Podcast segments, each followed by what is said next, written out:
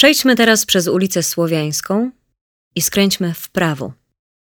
Przekroczmy ulicę Ołbińską i kontynuujmy ulicą Świętego Wincentego.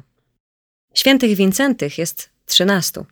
Pechowa liczba, zwłaszcza, że ośmiu z nich to męczennicy.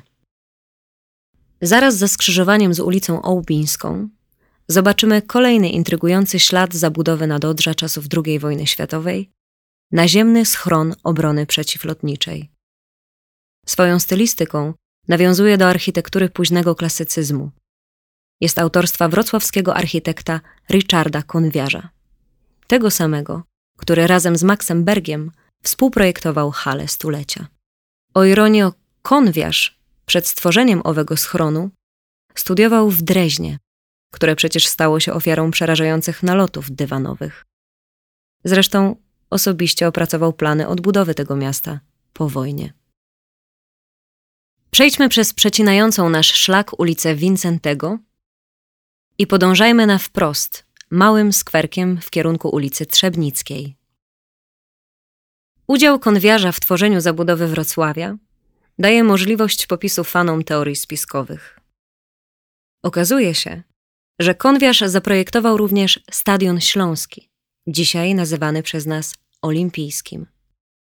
Łowcy skarbów, których i tutaj na Nadodrzu jest niemało, twierdzą, że budowa tego stadionu była jedną wielką mistyfikacją, mającą na celu ukrycie sieci podziemnych tuneli łączących najważniejsze punkty miasta. Legendarny podziemny Wrocław. Zresztą do samych tuneli powrócimy za chwilę. Przejdźmy przez jezdnię i skręćmy w prawo, w ulicę Trzebnicką. Kierujmy się teraz na plac powstańców wielkopolskich, zwycięzców jednego z czterech udanych powstań.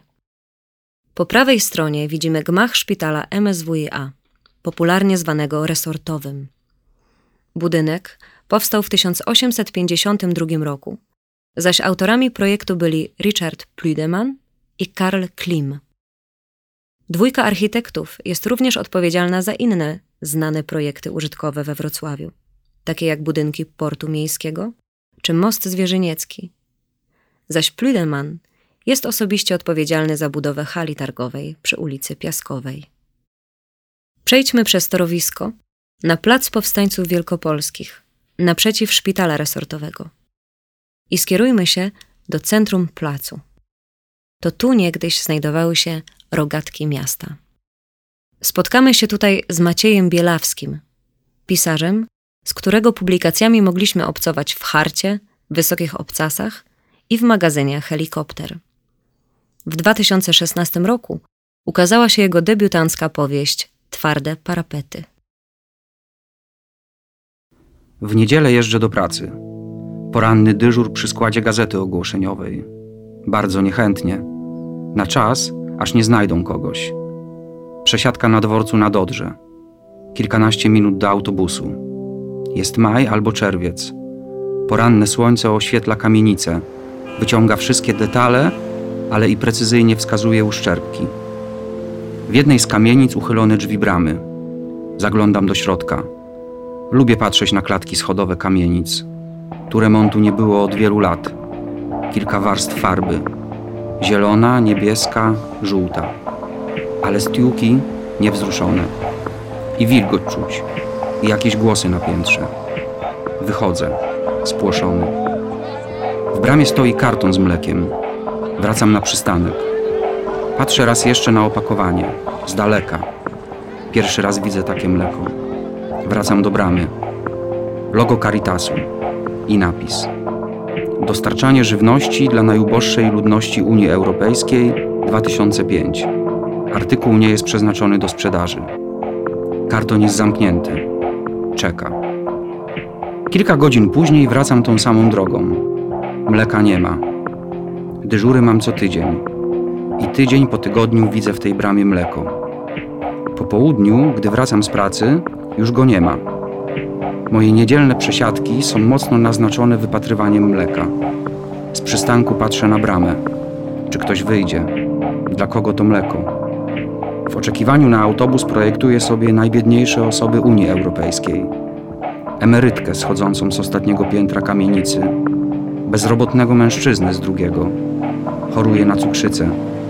Przyjechała do niego siostra, żeby zadzwonić na pogotowie, gdy zapadnie w cukrzycową śpiączkę. Emerytka dawno już przestała wychodzić z kamienicy. Zakupy robi jej sąsiadka. Gdy była kilkuletnią dziewczynką, emerytka jeździła na szóstą do pracy. Sąsiadka pomaga emerytce z poczucia obowiązku. Wyczerpały wspólne tematy. Siostra bezrobotnego liczy na meldunek. Zostawiłaby mieszkanie synowi. Ciężko teraz o jakieś lokum. Zdarza się, że emerytka boi się swojego mieszkania. Dawno nie wchodziła do tego pokoju za kuchnią. Nie ma takiej potrzeby. Zresztą coś tam szura. Bezrobotny mężczyzna ma już dość siostry. Ostatnio coraz intensywniej drąży temat mieszkania.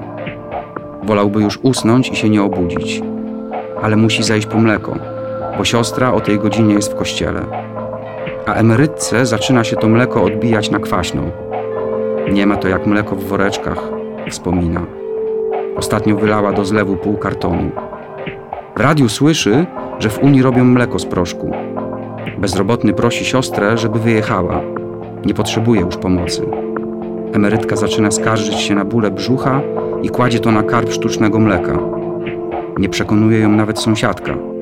Mówi, że Caritas by ludziom takiego piekła nie zgotował.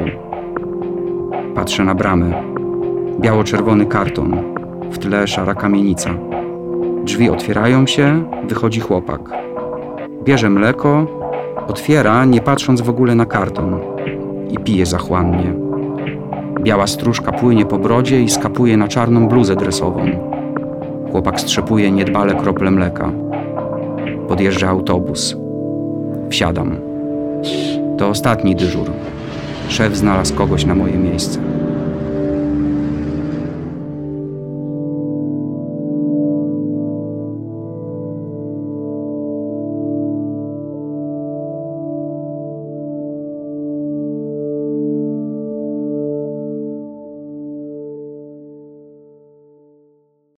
Z placu powstańców wielkopolskich udajmy się na północ i przejdźmy przez torowisko. Skręćmy w lewo w kierunku gmachu dworca na Dodrze. Dworzec, do którego się zbliżamy, został otwarty już w 1862 roku dzięki Towarzystwu Kolei Prawego Brzegu Odry. Pionierskie połączenie kolejowe wiodło z Wrocławia do Oleśnicy. Nadodrzański dworzec był pierwszym naprawionym węzłem komunikacji szynowej w powojennym Wrocławiu. Nowa nić komunikacyjna łączyła dworzec ze stosunkowo najmniej zniszczoną częścią Wrocławia, czyli z Biskupinem. Do dziś pozostała na wrocławskiej mapie komunikacyjnej w formie nieznacznie zmienionej, jako linia tramwajowa numer 1. Schodki poprowadzą nas do placu przed dworcem. Skręćmy w lewo ku frontowi budynku dworca. Mural zdobiący wejście do tunelu pod peronami, który widzimy po prawej stronie, to dzieło dyplomowe wrocławskiej artystki Grażyny Małkiewicz. Dotyka tematyki dyskryminacji ze względu na kolor skóry, wyznanie czy seksualność. Temat wciąż aktualny dla Wrocławia. Przed nami dworzec na Dodrze, który swoją bryłą nawiązuje do modnego w XIX-wiecznych Niemczech stylu historyzującego, co jest miłą odskocznią od współczesnej, sterylnej architektury komunikacyjnej. O ile przeznaczenie samego budynku jest dla nas oczywiste, o tyle przeznaczenie podziemnych tuneli ciągnących się pod nim już nie. Spekuluje się między innymi, że miały łączyć wcześniej mijany przez nas szpital MSWiA ze schronem przeciwlotniczym autorstwa Richarda Konwiarza. Pasjonaci tajemnic i ciekawostek historycznych rozważają różne teorie o faktycznej funkcji podziemi budynku. Jeden wariant zakłada, że miały łączyć dworzec z podziemnym tunelem ze schronem i stadionem olimpijskim. Mogły też służyć jako droga ewakuacji oraz trasa wywozu tajnych dokumentów lub skradzionych dzieł sztuki, które trafiały do prywatnej kolekcji Goebbelsa.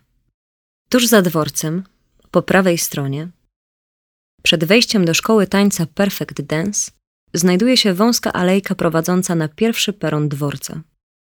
Tam skierujemy nasze kroki i podążymy w lewo, aż do końca peronu. Naszym oczom ukazuje się krajobraz Kleczkowa. Historycznie relacje Kleczkowa z Nadodrzem nigdy nie były ciepłe, a niejednokrotnie przybierały raczej brutalny wyraz. Nie tak dawno, bo około 30 lat temu, młodzież z obu osiedli spotykała się jesienią na mszy w kościele świętego Bonifacego przy placu Staszica. Po mszy na terenie parku dochodziło do regularnych wojen na kasztany lub, jeśli była to inna pora roku, na kamienie. Wróćmy do czasów obecnych, do rzeczywistości tu i teraz i skupmy się na realnych skarbach ukrytych za dworcem, za peronem, a o których bez ogródek opowie Paweł Krawczyk z Wrocławskiego Teatru Radioaktywnego. Są miejsca w tkance Wrocławia, jak i innych miast, które widuje się jedynie z okien pociągów. Są to bowiem miejsca brudne. To są ohydne podbrzusza miast. Ich zasyfione arterie. Znajdziesz tam stare pralki, znajdziesz graffiti z lat 90. Będzie złom, którego nie udało się sprzedać, są pety, strzykawki. Są fotele królów, tych petów. Oni sobie tam głaszczą chude koty. Są kości ptaków zjedzonych przez te koty, kości Bóg wie czego. Siedząc wygodnie w Intercity, przejeżdżamy sobie milutko przez to miejskie jelitko. Nie brudzimy sobie budków. Patrzymy przez okna, wytykamy palcami okazy w nadgniłym, mrocznym zoo. Ale teraz nie jedziemy Intercity. Teraz jesteśmy na spacerze. Zupełnie żywotni. Bardzo tutaj i tak bardzo teraz.